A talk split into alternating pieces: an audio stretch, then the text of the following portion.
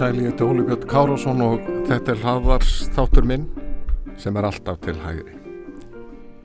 Í dag er 1. desember, fullveldistagurinn. En með dansk-íslensku sambandslögunum 30. november 1918 fengu Íslendingar fullveldi sitt viðukjönd. Eftir sem áður skildu Ísland og Danmörk verið í sambandi um einn og sama konung og ákveðin málefni sem nánar voru tilgreynd í lögum. Meðal annars var kveðið á um að Danmörk skildi fara með auðarikismál Íslands í umbóði þess.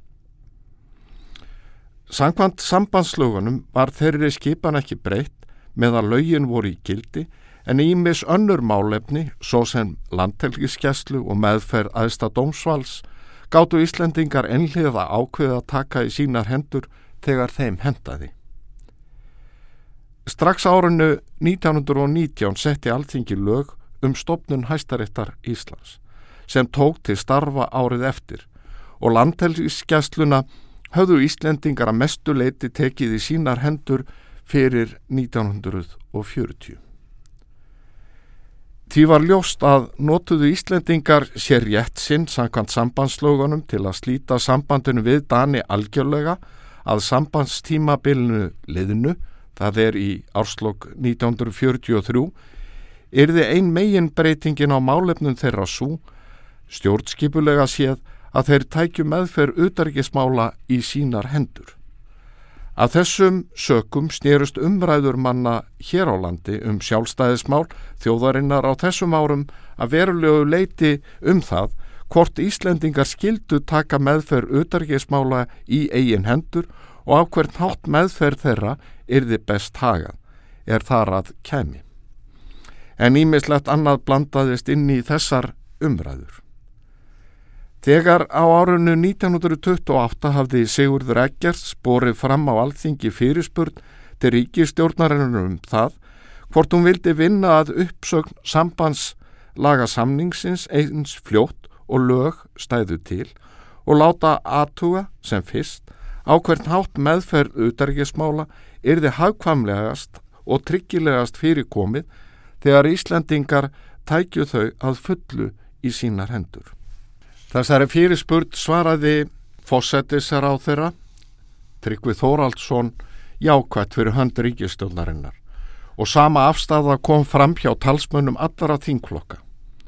Þá samþýtti alþingi samhljóða 15. april 1937 þingsáluktuna tillögu um meðferð auðarikismála og fleira þar sem ríkistjónin var falið að undirbúa nú þegar í samráði við auðarikismála nefnd þá tilhugun á meðferð auðarikismála innanlands og utan sem best kann að henda er Íslendingar neyta uppsagnar ákvæðis sambandslagana og taka alla málsmeðferð málefna sinna í eigin hendur.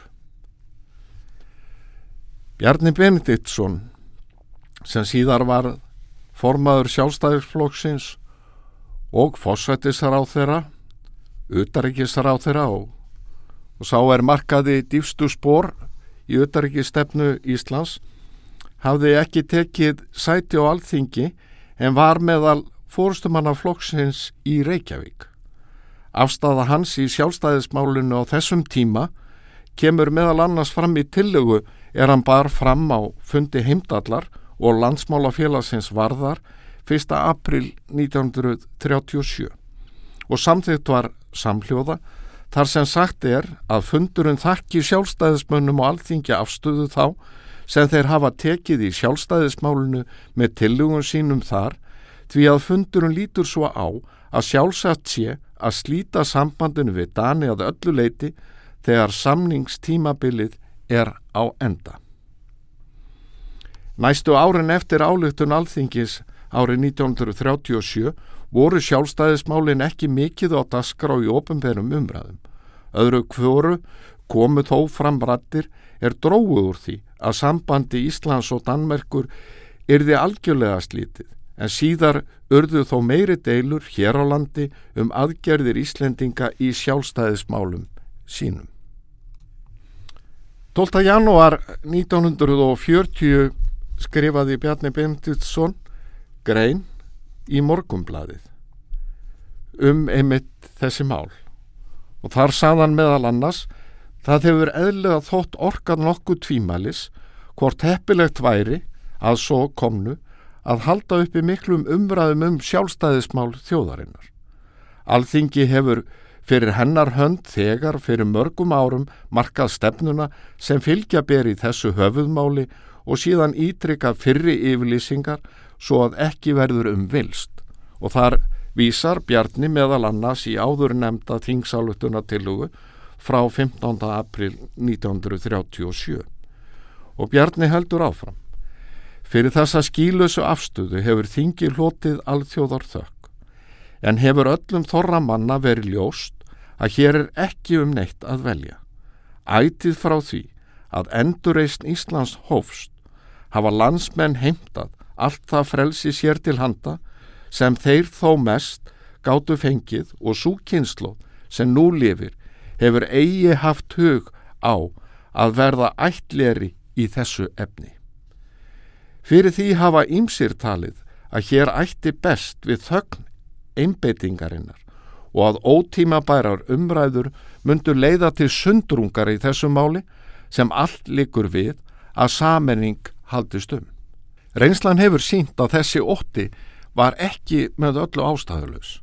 Á síðastliðinu vetri þegar að tekna voru upp umræður um þetta mál í blöðum og síðar á stúdendafundi gæti einmitt þeirrar sundrungarar og úrtölurhætta sem ymsir höfðu óttast og endurómur þeirra heyrist enn. En þessar rattir voru ekki síst að kenna of mikillið þögn um málið. Þess verður að gæta að með hverjum degi vaksa upp nýjir menn sem ekki vita um fyrri atburði nema þeir séu þeim sagðir og jafnvel hinnum eldri hættir fyrðufljót að gleima því sem ekki er sífellega rifjað upp fyrir þeim. Of mikil þögn getur valdið annars konar tjóni Hún getur komið þeirri trú inn hjá öðrum að Íslendingar láti sig þessi mál engu skipta. Mér skilst að það hafi vakið furðulitla eftirtækt hér á landi að státing forsættisar á þeirra Dana sagði er hann kom úr Íslands för sinni í sumar að engin Íslendingur sem mark væri takandi á nema Jónas Jónsson vildi algjöran aðskilnað við Danmörku.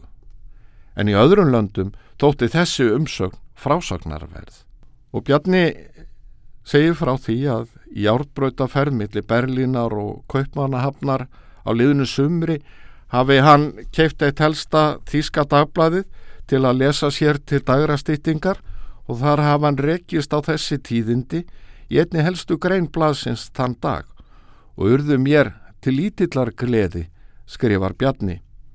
Og hann segir, umæli státings eru auðvita fjárstæða en af hverju stafar miskilingur hins glöggskegna manns? Vafarlaust af því að menn hafa talið sér sem góðum geskjöfum ósæmilegt að hefja þrætur við svo tíin gest. En ummalinn sína að varlega verður að fara líkaði því að segja of lítið. Því það er áraðanlega korki til hags nýja sæmdar fyrir Íslendinga að þeir drægi döl á vilja sinn til að vera öllum öðrum óháðir og þá skoðun sína að þeir telji fullt frelsi vera bestu vörn landsins. Og Bjarni heldur áfram og skrifa síðar í greininni einstaka úrtölur að þeir halda því að vísu fram að Íslendingar séu ofáttakir og fáir til að taka utarenginsmálinn í sínar hendur. Fljótt á litið virðist þetta vera skinsalegt því að möguleikum fámennarar og fátakara þjóðar í stóru landi hljóta að vera takmörg sett. En rauksemtin er ekki ný. Henni hefur sí og æverið haldið fram gegn öllum þeim kröfum sem Íslendingar hafa gert dönum og hendur um aukið frelsi. En er það þá ekki alveg eins óskinsalegt að í þessu stóra og erfiða landi skulu lifa fáinnir menn, ekki fleiri enn í einni götu í erlendri stórborg og þeir skuli hafa eigin tungu, menningu og þjóðurni. Hvort sem þetta er skinsanlegt eða ekki, þá er þetta samt staðrind. Íslendingar eru sérstug þjóð og hafa að minnstakosti ekki í bíli ástæðu til að öfunda hinnar stærri þjóðir. Með sama hætti sem Íslendingar eru sérstug þjóð, alveg án hliðsjónar af því hvort skinsanlegt er að þeir séu það eða ekki, þá er reynslan orðið svo að aukið frelsi hefur ætið orðið þeim til góðs, alveg án til litst til botlaleggingana um hvort ekki væri skinsanlegra að láta aðra sjá fyrir okkur. Stendur og skrifað að Guð hjálpi þeim sem hjálpi sér sjálfur og hver annar en fátakara stjórnin hjálpar þeim sem allt sitt traust setur á aðra. Það er vara við að láta tilfinningarna ráða þessu máli og sagt að fara að bera eftir rökunum. En er það alveg víst að tilfinningin ráði engu hjá þeim sem með úrtölur eru? Óttin getur ekki síður ráði rökunum heldur en rökin óttanum. En hvort ber meira að óttast? Trúna á að aðri sjáu manni farborða eða tröstið á að öruga sé að standa á eigin fótum. Úrtölumennin er ótt að sjálfströstið meira en trúna á forsjá annara. Á þessum grundvelli kvíla rauk þeirra. Hér er sá grundvallar munur að erfitt er að koma raukum við því að hvorir um sig álíkta frá ólíkum forsendum. Og í lok greinarinnar skrifaði Bjarni Benediktsson Það sem nú skiptir máli er að landsmenn láti ekki villa sig af þeirri braud sem sagan hefur markað þeim og skildan, hvort sem hún er skinsamleg eða ekki. Býður þeim að halda til þess að síðari kynnslóðir festi ekki á þeirri sem nú lifir ætlerans ömlega heiti. Mér þótti hæfi á þessum degi, 1. desember, fullveldust eigi okkar Íslendinga, að vitna í þessi skrif Bjarnar Benditssonar sem hafði meiri áhrif á stefnu okkar í utarrikismálum en okkur annar á sínum tíma. Hann lagði grunninn að því að Ísland náði að halda sjálfstæði sínu eftir að, það, eftir að við endur heimtum það að fullu 17. júni 1944. Ég þakka þeim sem hlýtu, eigi góða stundir.